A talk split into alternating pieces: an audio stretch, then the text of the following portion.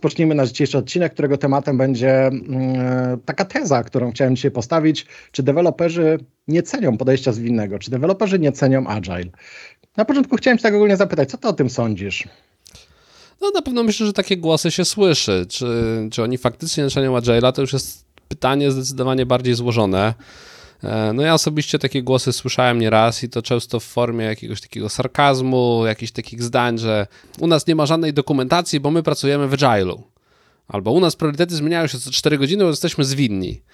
No i, i, słyszałem zarówno, jak takie zdania wypowiadają osoby, które zdają sobie sprawę z tego, że to, no, że to jest śmieszne, że tak, że to nie ma nic wspólnego z Agilem, tylko po prostu z żenadą, ale słyszałem też, jak mówią te osoby i są śmiertelnie poważne. I one są przekonane, że właśnie na tym polega zwinno, że trzeba co 4 godziny zmieniać priorytety, bo przecież w zwinności mówi się embrace the change, więc zmiana zawsze jest dobra. No ale ten temat chciałbym zgłębić, bo co to znaczy, że zmiana zawsze jest dobra? I dlaczego w ogóle ta zmiana jest taką podstawą no, zwinności, tak? Tutaj zanim wejdziemy głębiej, to ja tylko chciałbym jeszcze dopowiedzieć, że również czytam takie komentarze. Wystarczy zresztą wejść na facebookowe grupy, wystarczy przeczytać, jak bardzo mm, e, źle w tym momencie mm, e, nastawieni na podejście zwinne oraz w stosunku do Scrum Masterów są deweloperzy. E, I myślę, że coś jest na rzeczy. Myślę, że, mm, że faktycznie tak jest, że nawet nie chcę powiedzieć, że nie cenią podejścia zwinnego deweloperzy, ale e, być może po prostu, e, e, jeżeli o nim słyszą, to, to się, że tak powiem, jeżą, gdyż generalnie go nie cierpią. I chciałem trochę porozmawiać, dlaczego tak jest, bo mm, tak jak powiedziałeś, problem jest złożony i, i z czego on wynika. Mm, myślę, że myślę, że jest kilka punktów, które możemy tutaj, które możemy tutaj przedstawić. Tak i pierwsza rzecz, która mi przychodzi osobiście do głowy, no to po prostu osoby przedstawiają swoje poprzednie doświadczenia, miały jakieś negatywne doświadczenia, z jakiegoś powodu pracowały w środowisku, które nazywane było jako zwinne, pracowało mi się zwyczajnie źle, czuli się tam źle, widzieli, że to nie działa, nie przynosi efektów, no więc teraz są utwierdzeni w przekonaniu, że po prostu ta zwinność nie działa i prowadzi właśnie do takich wypaczeń, jak brak dokumentacji, czy w ogóle zmiany, co chwilę zmiany kierunku. Tak naprawdę to ludzie nie lubią ciągłych zmian. E, to jest naturalne dla człowieka, że ma w ogóle opór przed zmianą, a jeżeli ta zmiana następuje co chwilę, no to nikt nie czuje się z tym dobrze, zwłaszcza jeżeli ma to wpływ na jego pracę, że do 12 robi jedną rzecz, a od 12 odkręca to, co zrobił. Natomiast ja chciałbym podkreślić, że no, zwinność, a zwłaszcza Scrum, który polega na empiryzmie, to, to no, tam nie chodzi o to, żeby zmieniać dla zmiany, tam chodzi o to, żeby postawić jakąś hipotezę i zwalidować ją jak najszybciej. Nas, następnie, kiedy już zwalidowaliśmy naszą hipotezę, to dopiero wtedy możemy podjąć decyzję, czy robimy jakąś zmianę, czy nasza hipoteza okazała się niesłuszna albo nie w pełni słuszna, czy trafiona i idziemy dalej w tym kierunku. Natomiast jeżeli tą hipotezę stawiamy na takiej zasadzie, że dobra, wydaje mi się, że zrobimy tak, zespole, idziemy w tym kierunku, no to prawdopodobnie się nie uda i będzie się kończyło takimi zmianami co 4 godziny. Dobre hipotezy powinny być poparte jakimiś badaniami rynkowymi, jakąś analizą, jakimiś danymi, na przykład jakiś prosty impact mapping powinien zostać zrobiony. Dopiero wtedy będziemy mogli walidować hipotezę, która ma sens od samego początku. E, dobrze, wchodzimy tutaj już tak by trochę bardziej w detale związane ze środowiskiem pracy, w którym, w którym się spotykasz i z którego czerpiesz swoje doświadczenia. E, możemy też mówić dużo o złożoności projektów, o złożoności organizacji, e, czy też choćby o tym, że większość organizacji jest w ciągu permanentnej transformacji, którą tak. zresztą nazywa zwinną, ale chciałbym, żebyśmy zaczęli trochę od takiego innego poziomu, mianowicie powiedz mi, czy ty nie uważasz, że to jest trochę tak, że całe podejście agile'owe jest dość stare, licz sobie ponad 20 lat, a jeżeli mówimy nie o samym manifestie, lecz o, o tym, skąd ono się bezpośrednio wywodzi, no to dużo, dużo więcej. I czy to nie jest trochę tak, że przy obecnej złożoności świata, technologii i problemów, to po prostu nie trafia do obecnych ludzi? No to, że jest stare, to jest po prostu fakt, z tym nie można dyskutować, no bo to jest fakt. Co najmniej jest pełnoletnie, jest samo Agile Manifesto, tak jak powiedziałeś, podstawy, no to są dużo, dużo starsze. E, I w sumie to też jest też takie naturalne w ludziach myślenie, że poprzednie pokolenie się myliło. Tutaj mówimy już o co najmniej jednym pokoleniu. E, no, naturalne jest challenge'owanie tego, co było kiedyś. Ja w sumie tutaj przyszło mi do głowy, że zacytuję Monika Staszczyka ze swojej piosenki Rewolucja. E, każda rewolucja jest dobra tylko na początku drogi, bo potem wszystko zamienia się w system i trzeba tworzyć rewolucje nowe. E, no i być może na tym etapie właśnie jesteśmy, bo przecież jak się posłucha samych y, twórców Agile, Agile Manifesto, bądź osób bardzo mocno zaangażowanych w ruch zwinności, to oni sami zdali sobie sprawę, że to wszystko poszło nie w takim kierunku, jaki by chcieli. Ta ich rewolucja zamieniła się w system, który zapomniał o pewnych ideach. Jak się posłucha na przykład wujka Boba, czyli Roberta Martina, albo Craiga Larmana, albo ruch Joshua Kierowskiego Modern Agile, no to wszyscy mówią, że to w, jakim kierunku jest to interpretowane dzisiaj, jak to jest stosowane w praktyce, to nie bardzo o to im chodziło. Więc y, może jest to kwestia wieku, a może jest to kwestia tego, że po prostu przez tyle lat zdążyło zostać to bardzo mocno wypaczone. Teraz myślę trochę kwestia braku tak naprawdę doświadczeń i odskoczni, którą był Agile w momencie, w którym tak naprawdę powstawał. E, jakby był jasnym sposobem zaadresowania tego, z czym ci ludzie mierzyli się na co dzień. Siermiężnych, ciężkich projektów, które kończyły się dla nich wycieńczeniem, które kończyły się dla nich brakiem motywacji, które często kończyły się dostarczeniem kompletnie nie tego, co, co klient oczekiwał, e, pretensjami, rozliczeniami i, i szukaniem winnych. I tak naprawdę, jeżeli sobie pomyślimy o tym w ten sposób, że dla nich był to taki powiew świeżości, to patrząc na przykład na ludzi młodych, obecnie wchodzących w zawód, obecnie wchodzących w rynek pracy, to nawet jeżeli spotykają się z jakimś podejściem e, zwinnym, które nie jest do końca prawdziwe, ale e, czy też jest trochę wypaczone przez na przykład system korporacyjny, to jednak to nie jest tak, że mm, mają bardzo złe doświadczenia, o których szukają odskoczni. To raczej agile w tym momencie staje się ich złym doświadczeniem, na którego odskoczni będą szukać w przyszłości w czymś, w czymś innym. Więc jakby z tego punktu widzenia nie bardzo mogą oprzeć się na swoich doświadczeniach i powiedzieć, no my chcemy być zwinni, chcemy pracować w ten sposób, chcemy robić rzeczy sensowne, dostosowane do klienta, bo poprzednio pracowaliśmy i było nam z tym bardzo, bardzo źle. No, no właśnie nie pracowaliśmy, właśnie nie mieliśmy takich doświadczeń. Jedyne doświadczenia, jakie mamy, to jest quasi agile, czy też, czy też e, niekończące się transformacje, e, czy też nie kończące się dyskusje o empowermencie mm, e, pracowników, które kończą się tym, że, że, że feedback jest zbierany, po czym absolutnie nic się z nim nie dzieje. E, więc jakby e, wyrażają i przedstawiają swoje obecne doświadczenia. To za tym idzie, dla nich to właśnie agile jest tym waste'em ich zaangażowania. No dokładnie tak. Ja myślę, że to jest bardzo, bardzo w punkt to powiedziałeś. Ciężko sobie dzisiaj wyobrazić takie projekty, że firma ma pomysł, że wyprodukuje nowy produkt i już pierwszą wersję wypuści na rynek za 6 lat. No to jest trochę absurdalne. Dzisiaj żyjemy w tak dynamicznym świecie, że nikt nie myśli w kategoriach tak wielkich projektów, które kiedyś przecież były absolutną normą. E, sam kiedyś na początku drogi jako deweloper pracowałem w projekcie, który budowaliśmy przez wiele lat, a potem na koniec dnia się okazało, że połowa funkcji, które dzielnie zrobiliśmy, była nigdy nikomu niepotrzebna. No, ale albo jednej to, osobie. Albo jednej osobie, tak. Natomiast to nie są problemy, z którym się muszą mierzyć y, w większości deweloperzy dzisiaj, no bo pracujemy jednak w projektach, które są nastawione na szybsze wdrożenia, bardziej dynamiczne, więc faktycznie oni się borykają z innymi problemami. Dotknąłeś też tematu korporacji, e, gdzie jest ta quasi transformacja. Myślę, że tutaj w ogóle największym wrogiem wdrożenia zwinności jest hierarchia sama w sobie, no bo większość transformacji nie udaje się, dlatego że jest największy opór przed zmianami w hierarchii, realnymi zmianami. To się kończy tylko na zmianie nomenklatury. Hierarchia pozostaje taka sama, e, no to po prostu nie może zadziałać, to się nigdy nie uda. E, zgadzam się.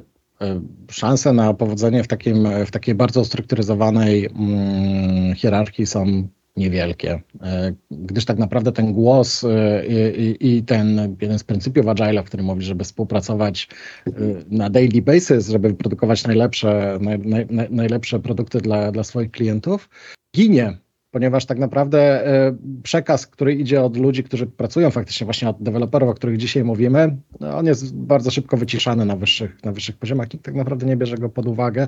Co za tym idzie, również budowane jest takie przeświadczenie w tych ludziach, że tak naprawdę to jest bez sensu, nie? Po co się wyrażać, po co się angażować i po co próbować coś zmienić, po co próbować budować lepsze rozwiązania produktowe, skoro to i tak nie ma, nie ma sensu, nikt nie będzie na to e, patrzył, lepiej skupić się na doskonaleniu technicznym e, Tak i na próbie uczenia się. I to jest też, co ja bardzo często słyszę, że deweloperzy obecnie chcą się rozwijać i chcą się uczyć, chcą e, znać bardzo dużo technik, chcą znać bardzo dużo narzędzi, natomiast czy łączą to bezpośrednio z budowaniem dobrych produktów? Nie wydaje mi się. Raczej nie jest to, nie jest to powszechnie rozumiane w ten sam sposób, że moja wiedza będzie korzystna, bo będę robił lepsze produkty. Nie, no moja wiedza będzie korzystna, będę miał dużo bardziej rozbudowane CV, mogę oczywiście wskoczyć na wyższy poziom, mogę korporacyjnie wskoczyć na poziom e, seniora, mogę wskoczyć na, na, na jakiś wyższy poziom, może lida zespołu, co oczywiście e, doda mi e, cyfry do mojej, do mojej wypłaty. Natomiast dalej w naszym rozumieniu tego, czym naprawdę powinien być ten zespół, jak bardzo powinien dostarczać wartość, to się po prostu nie przekłada i nie łączy. Ja mam do Ciebie dwa pytania. Tak a propos tych, y, tych struktur, Słucham. o których rozmawialiśmy wcześniej, bo za chwilę po, powoli odpływamy od tego tematu. Jak byś ocenił, jaki procent zespołów, z którymi pracowałeś, albo w ogóle gdzieś tam, przy których się obracałeś, nie miał lidera w zespole, a pracował w skramie? 30%? 30%. No ja myślę, że bym szacował trochę niżej, ja mam trochę inne doświadczenia, bardziej 20%, no ale tutaj już mamy taki podstawowy Ale do- do case, połowy gdzie nie mamy dochodzimy, nie? Tak jest, samoorganizujące się zespoły, ale lider musi być. No ale dobra, bo, pójdźmy poziom wyżej, no bo lider w zespole to różnie jeszcze można z tym, że tak powiem, żyć, można, może to nie być takie bardzo szkodliwe, chociaż oczywiście jest tutaj no, takie jawne zaburzenie rozumienia skrama, jeżeli tutaj o skramie rozmawiamy. Ale pójdźmy poziom wyżej, bo mówimy, że te zespoły mają poczuć taki empowerment, że właśnie one mają budować ten produkt. Ile tak naprawdę zespołów, z jakimi pracowałeś, ich głos był słuchany gdzieś wyżej i to one miały wpływ na to, jak ten produkt będzie wyglądał? Tych 30% jak nie mam, pytasz, tak? Nie No. wiem, czy ogólnie z całości. Ogólnie z całości. Nie wiem, miałbym strzelać, to pewnie z 15-20% maksymalnie. No, no to, no to jesteś szczęściarzem. Ja nie mogę Ale to tak tylko- wysokiej liczby Tylko wymienić. dlatego, że, że mam doświadczenie współpracy w organizacjach, które nie są duże i bardzo złożone. I tak naprawdę przy płaskiej strukturze głos zespołów jest wtedy słyszalny. Ja tylko raz miałem Nie. z jednym zespołem takim okazję współpracować, że faktycznie oni definiowali ten, pro, pro, współtworzyli ten produkt. Yy, Dobrze, ale omówiliśmy, omówiliśmy yy, korporacyjność, omówiliśmy złożoność, om- omówiliśmy taką e, ciężką strukturę. Ja mam jeszcze taką jedną tezę, którą chciałbym, żebyśmy tutaj poruszyli. E, no bo jeżeli mówimy o podejściu zwinnym, to mówimy o feedbacku, e, który, który powinien być e, mm, zbierany odnośnie produktu, ale też odnośnie naszej pracy. Ja taką tezę, która, która mówi, że jak deweloperzy w obecnych czasach tak naprawdę wcale tego feedbacku nie chcą. Może jeszcze e, na poziomie technicznym, żeby polepszać swoje umiejętności, to jeszcze tak, ale na poziomie produktowych efektów swojej pracy to już zupełnie niekoniecznie. Powiem, nawet zaryzykuję taką tezę, że wręcz e, przeciwnie, ten feedback często jest odbierany jako taki atak na ich, na ich e, pracę, na, często na ich osoby. No to tak, ja bym powiedział, że to nie jest tak, że wszyscy nie chcą. Myślę, że większość może nie chcieć, faktycznie, tu, tu się zgodzę. Yy, No ale to zawsze jest tak, że nie chcą ci, którzy nie chcą za bardzo się usprawniać, nie widzą sensu w takiej samodoskona- samodoskonaleniu się i zawsze pójście krok dalej, no bo feedback jest dla każdego prezentem i można go albo w ten sposób traktować i ch- chcieć z niego wy, wy, wyjąć dla siebie jak najwięcej, E, wiedzieć, że ktoś, kto nam daje feedback, najczęściej ma dobre intencje, nie robi tego ze złośliwości. E, I jeżeli tak do tego podejdziemy, no to powinniśmy chcieć tego feedbacku. Dlaczego ktoś może nie chcieć feedbacku? No tutaj bym rozdzielił na dwie kategorie. No pierwsze to są takie osoby, które po prostu naprawdę im nie zależy i one nie chcą tego feedbacku, bo one chcą robić swoją robotę od 8 do 16, a co się z nią potem dzieje i z produktem i w ogóle naprawdę ich to nie interesuje to, to myślę, że to nie są takie osoby, które w zwinności odnajdą się faktycznie najlepiej. A drugie są osoby takie, które otrzymywały feedback, który był tak naprawdę bezwartościowy i to na przykład najczęściej w wyniku jakichś takich znowu korporacyjnych procedur, że feedback mamy dwa razy do roku w wyniku jakiegoś tam systemu, oceny w gwiazdkach, w punktach, od tego czasem jakieś premia zależy. No to nie jest feedback, który pozwala na samodoskonalenie się, to jest jakaś procedura, która faktycznie jest bezwartościowa. E, Zgadzam się. Tutaj chciałbym tylko dodać, że dla tych osób pierwszych, których wymieniłeś, którzy faktycznie nie oczekują czegoś takiego, również jest miejsce w IT. Jest mnóstwo projektów, które nie są prowadzone zwinnie, bo wręcz totalnie według złożoności swojej się do tego nie nadają. Co jest istotne, to tak naprawdę musimy pamiętać, że jeżeli chcemy jakkolwiek pracować zwinnie, to jednak musimy pamiętać o tym mindsetie ludzi. Musimy zwracać na to uwagę przy rekrutacji, musimy się do tego dostosować. To nie jest tak, że, że te osoby są w jakiś tam sposób gorsze. E, tylko wokół nich będzie nam bardzo ciężko pracować. Co za tym idzie, dojdziemy do poziomu, w którym, w którym tak naprawdę obracamy się wokół dzisiejszej dyskusji, czyli że pozostałe osoby wpływ e, wpływ na nie osób, które niekoniecznie chcą pracować, które będą destrukcyjnie działać, spowoduje, że znowu wyrobimy sobie złe doświadczenia, znowu sobie wyrobimy mm, złą opinię na temat podejścia zwinnego, co za tym idzie? Nie będziemy go szanować, będziemy, e, będziemy podchodzić do tego w sposób e, gardzący. No, pętla nam się po prostu zamknie. Pętla zresztą z, jest jedną z elementów Agile'a, tylko pewnie nie taka. No zdecydowanie nie taka. E, natomiast no, powiedziałeś o rekrutacji, tu się w pełni zgadzam. No, jeżeli chcemy pracować zwinnie, no to musimy szukać osób myślących podobnie jak obecny zespół, w podobnym podejściu zwinnym z podobnym mindsetem. Musimy też e, zastanowić się, jeżeli firma chce przejść jakąś transformację, jakąś zmianę, czy wszyscy, którzy e, obecnie są w danym zespole czy w danym obszarze, e, no chcą dalej być w otoczeniu zwinnym w tym obszarze, tak? Bo tak jak powiedzieliśmy, Agile nie jest dla wszystkich i to nie znaczy, że to sobie od razu trzeba zwolnić, ale może trzeba poszukać dla nich innego miejsca, innej roli, no bo posiadanie w zespole jednej bądź więcej osób, no, które po prostu nie chcą tej zwinności, źle się w niej czują, nie umieją tak pracować, nie chcą tak pracować, będzie działało destrukcyjnie na cały zespół. Jeżeli po prostu je zostawimy w tym zespole na trwałe, na, na długo, no to odbierzemy sobie ogromną szansę na samodoskonalenie się tego zespołu, na rozwój i faktycznie wyjdzie nam znowu jakiś taki potworek, gdzie ludzie będą mówili, no to nie zadziałało, nie zadziałało, próbowaliśmy zwinności, nie da się. Zgadza się. Całkowicie osobnym tematem, o którym mówimy w osobnych odcinkach, jest również e, rola Scrum Mastera, który bardzo destrukcyjnie potrafi wpływać. Już dzisiaj tego nie tłuczmy. jest bezwartościowym.